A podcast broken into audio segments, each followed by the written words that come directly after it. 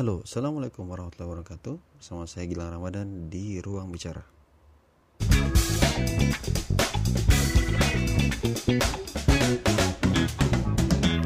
Oke, balik lagi. Setelah sekian lama kita nggak pernah ketemu di Ruang Bicara Karena banyak kesibukan dan rutinitas yang padat Akhirnya baru bisa recording pada malam hari ini.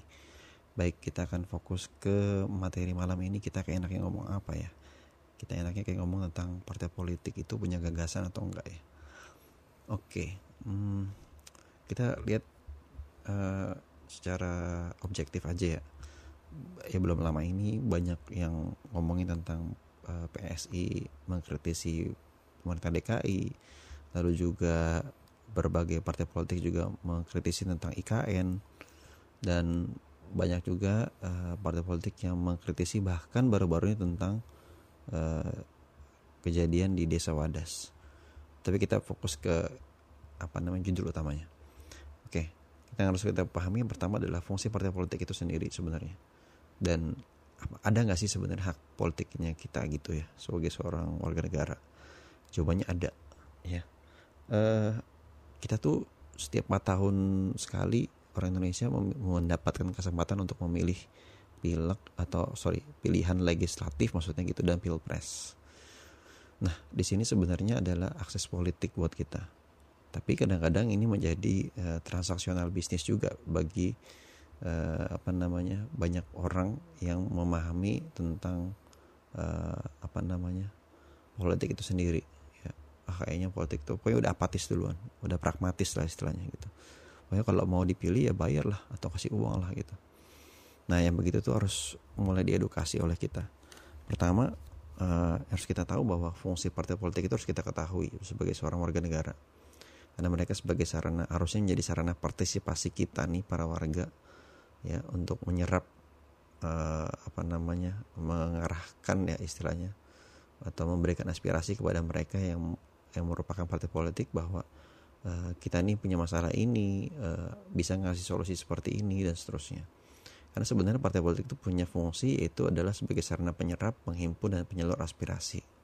Nah, itu sudah termaktub dalam Undang-Undang Pasal 11 Undang-Undang Nomor 2 Tahun 2008. Nah, yang kedua ya bahwa politik itu adalah salah satu uh, cara terbaik ya untuk bisa membuat eh, kebijakan-kebijakan yang baik di negeri atau di sebuah negara yang notabene uh, semua kebijakan itu ya tergantung dari para politisinya, para partai politiknya. Apakah mereka punya gagasan atau tidak? Apakah mereka punya arah uh, yang yang baik ke depannya atau tidak? Nah, bicara soal itu gitu ya. Gerakan politik di Indonesia itu rata-rata politiknya cuman berapa ya poinnya? Tiga ya di pendidikan fokusnya uh, kesehatan dan uh, ekonomi. Ya harga murah uh, pendidikan gratis kesehatan gratis. Di Eropa fokusnya karena sudah apa namanya tercukupi ya kebutuhan hidupnya gerakan politiknya sudah bergeser ke gerakan politik hijau di mana implementasinya uh, tentang apa namanya emisi gas karbon fokusnya gitu tidak menggunakan lagi uh, apa namanya bahan bakar fosil dan menggunakan bahan bakar alternatif. Nah, gerakan politik ini uh, sekali lagi ya di mana-mana harus punya gagasan. Ya, sebenarnya partai politik itu harusnya jual gagasan. Ya. Karena kalau tidak menjual gagasan, yang paling penting adalah berarti partai politik itu bukan gerakan politik yang membuat kajian-kajian terhadap hasil temuan-temuan di lapangan tentang harus bagaimana nih mereka dalam membuat kebijakan-kebijakan publik karena mereka adalah partai politik sekali lagi mereka harusnya membuat uh, hasil kajian dan bahasan-bahasan yang lebih konkret yang terstruktur dan sistematis dalam merencanakan proses uh, kelembagaan negara. Nah, contohnya misalkan ketika mereka uh, membuat tanda kutip ya rencana uh, pem, apa, pembangunan ya uh, tandanya berarti mereka sudah mengetahui dari mana anggaran yang ada. Terus uh, bagaimana cara mengurangi hutang dan bagaimana caranya membuat ekosistem uh, yang konkret dalam menyelesaikan tiga poin tadi misalkan.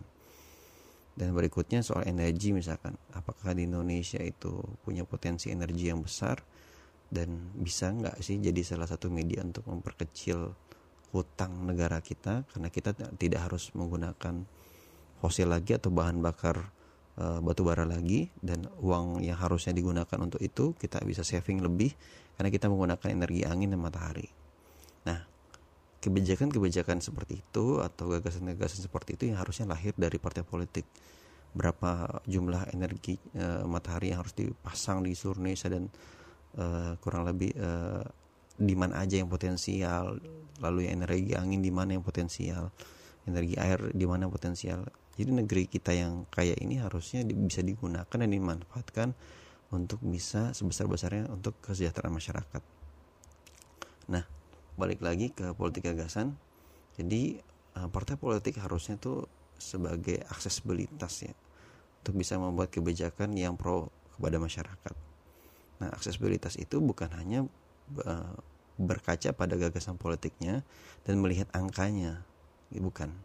Tapi sebenarnya menghadirkan eh, perencanaan yang jelas eh, angka yang matang dan juga hasil studi yang betul-betul berasas eh, dari betul-betul dari lapangan gitu. Bukan sekedar mengambil apa ya istilahnya berkaca dari pemerintah di luar negeri di negara lain yang sebelumnya menggunakan uh, matahari dengan ini enggak. Tapi memang betul-betul membuat kajian-kajian.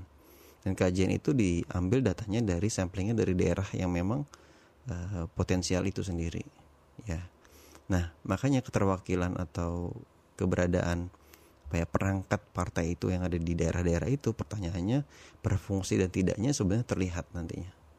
Apakah mereka menggunakan kajian yang ilmiah yang menggunakan kajian ilmiah itu akhirnya berakhir pada sebuah tanda kutip uh, apa perencanaan yang matang dan akhirnya ketika mereka memimpin negara ya baik gitu. Dan yang kedua uh, mereka juga uh, bisa melihat potensi negara itu bisa tanda kutip mengurangi pembiayaan pembiayaan tertentu dari mana dari mana dan ditutupi oleh apa pembiayaan yang mana gitu. Yang kedua itu yang ketiga tidak apa yang bisa menekan angka korupsi yang pertama yang ketiga. Jadi menyambung ke yang pertama tadi, akhirnya dari energi yang terbarukan tadi, e, biaya untuk tiga poin yang sebelumnya yang gue tadi sampaikan tentang pendidikan, kesehatan dan e, ke apa namanya ke harga-harga ekonomi itu bisa tercapai. Kenapa? Karena tersediaan listrik itu sudah tercapai. Nah, e, dalam mengolah sebuah apa ya negara ya, banyak yang terjadi di Indonesia adalah politik transaksional dan itu banyak terjadi ketika kasus-kasus korupsi itu terjadi karena kebijakan publik yang ada uh, itu lahir karena uh, desakan dari pebisnis yang membiayai politik mereka gitu banyaklah kasus korupsi di KPK tentang penetapan kota bupati kota Waringin Timur korupsi 5,8 triliun mantan gubernur Sultra Sulawesi Tenggara 2,78 triliun dan seterusnya. Kalau dihitung-hitung bisa puluhan bahkan ratusan triliun itu potensi apa namanya uh, korupsinya besar. Nah pertanyaannya berbalik ya sebenarnya. Uh, kita ini sebagai seorang masyarakat gitu mau milih partai politik itu secara apa ya cara objektif tuh harusnya kayak gimana? Itu pertanyaannya kan. Yang pertama ya mungkin ini pemahaman dari gua aja ya. Pertama uh, partai politik itu tingkat korupsinya rendah. Kalau dibilang nggak ada kalau partai baru ya pasti ya wajar nggak ada. Ya karena belum ada contoh. Kedua partai politik itu oh, sudah berapa lama dia berdiri terus tadi jumlah korupsinya berapa dibuat uh, eh, KPI-nya indikatornya kan itu pasti ada tuh bukan kita yang buat ya dari masyarakat sampai ribet-ribet buatin gitu enggak nanti juga ada lembaga-lembaga partai politik uh, uh, itu di apa ya disurvei lah ya. Sama lembaga-lembaga survei bahwa uh, mereka seperti apa uh, apa namanya cerminnya gitu ya. Jumlah yang korupsi di mereka berapa itu kelihatan. Yang berikutnya uh, tentang gagasan. Lagi-lagi gue balik lagi ke gagasan. Gagasannya mereka apa nih ketika mereka akan uh, ada di pileg atau di legislatif ada di apa namanya di pilpres apa yang mau dia munculin? Gagasan yang kayak gimana? Terus juga bentuk layanan layanan-layanan jasa apa yang mau ditambahin di yang sudah dinikmati sekarang? Misalkan kalau layanan jaminan kesehatan itu udah udah sama. Misalkan layanan uh, apa listrik murah atau layanan apa gitu. Yang notabene sebenarnya juga tidak merugikan uh, pemerintah dengan tanda kutip ya menambah subsidi nggak begitu polanya.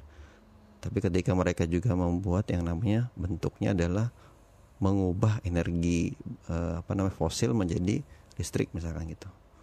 Nah sorry menjadi uh, apa matahari misalnya gitu.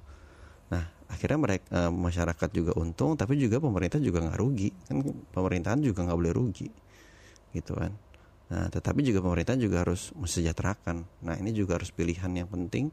Ketika kita membuat pilihan untuk memilih partai politik uh, harus dua-duanya itu. Kitanya sejahtera tapi mereka juga tidak rugi. Karena kalau kita berkaca kayaknya enak ya kalau gratis kalau apa. Tapi kalau subsidinya itu dikeluarin terus-terusan berarti sebenarnya uang negara atau uang masyarakat tuh digunain ya dengan alasan ingin memberikan yang gratis padahal sebenarnya subsidi dari masyarakat itu sendiri dikembalikan lagi sebenarnya.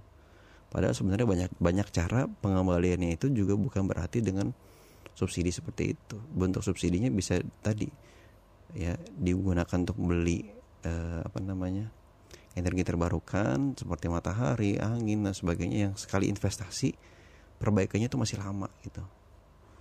Ya kalau batu bara udah kita beli batu bara tiap bulan ya polusinya juga jelas gitu. Nah itu itu bukan pilihan bukan apa ya bukan gagasan lah kalau partai politik yang masih begitu begitu yang terakhir kalau menurut gue adalah uh, antara visi visi besar partai politik itu juga ada. Yang kedua kaderisasinya uh, dari partai politik itu juga jelas. Uh, orang ini nggak ujuk-ujuk muncul di partai itu lalu bisa jadi caleg ya atau jadi calon legislatif atau jadi uh, calon presiden gitu. Enggak gitu. Memang orangnya tuh punya kapasitas punya kapabilitas gitu ya dan punya integritas. Kalau orang itu nggak bisa dipercaya ya nggak usah dipilih gitu kan. Misalkan dia pernah kena kasus korupsi atau pernah terjangkit uh, apa namanya uh, pernah apa ya pernah ikut pernah ikut terlibat ya uh, namanya pernah muncul aja misalkan di kasus korupsi tertentu tapi walaupun cuma jadi jadi apa namanya jadi uh, saksi atau apa misalnya kita ngerasa nggak kredibel nih ah, ini paling cuman gimana ya nggak apa-apa nggak usah dipilih aja. Tapi yang pasti dari poin yang pertama itu tadi jika jumlah korupsi yang rendah dari partai politik itu sendiri dan lamanya partai politik itu berdiri ya nanti harus harus di KPI-nya diimbangin antara itu. Yang ketiga uh, eh sorry yang kedua adalah uh, tentang gagasan itu sendiri. Kalau politik kita partai politik itu nggak punya gagasan lebih baik uh, apa ya istilahnya pilih uh, partai politik yang memang gagasannya mungkin cuma satu ya tapi dia konkret gagasannya apa gitu. Bukan gagasannya dengan berhutang atau subsidi ya. Kalau subsidi bentuknya hanya muter-muterin uang pajak lalu di share lagi untuk kita ya istilahnya untuk diutangin lagi kita uh, negara kita ngutang ke luar negeri lagi sama aja. Intinya dia harus bisa ngasih solusi terbaik supaya antara nilai hutang yang yang harusnya bisa dikurangin dan penggunaan itu tempat guna lah gitu. Daripada terus-terusan kita mau mau seperti ini terus istilahnya eh, nggak enak kan gitu. Berikutnya eh, paling terakhir banget adalah kalau bisa ketika kita memilih objektif bukan karena uh, apa ya iming-iming tertentu gitu dari orang-orang tertentu lah yang mencoba mengiming-imingi kita tapi karena memang hati nurani kita terima kasih assalamualaikum warahmatullahi wabarakatuh.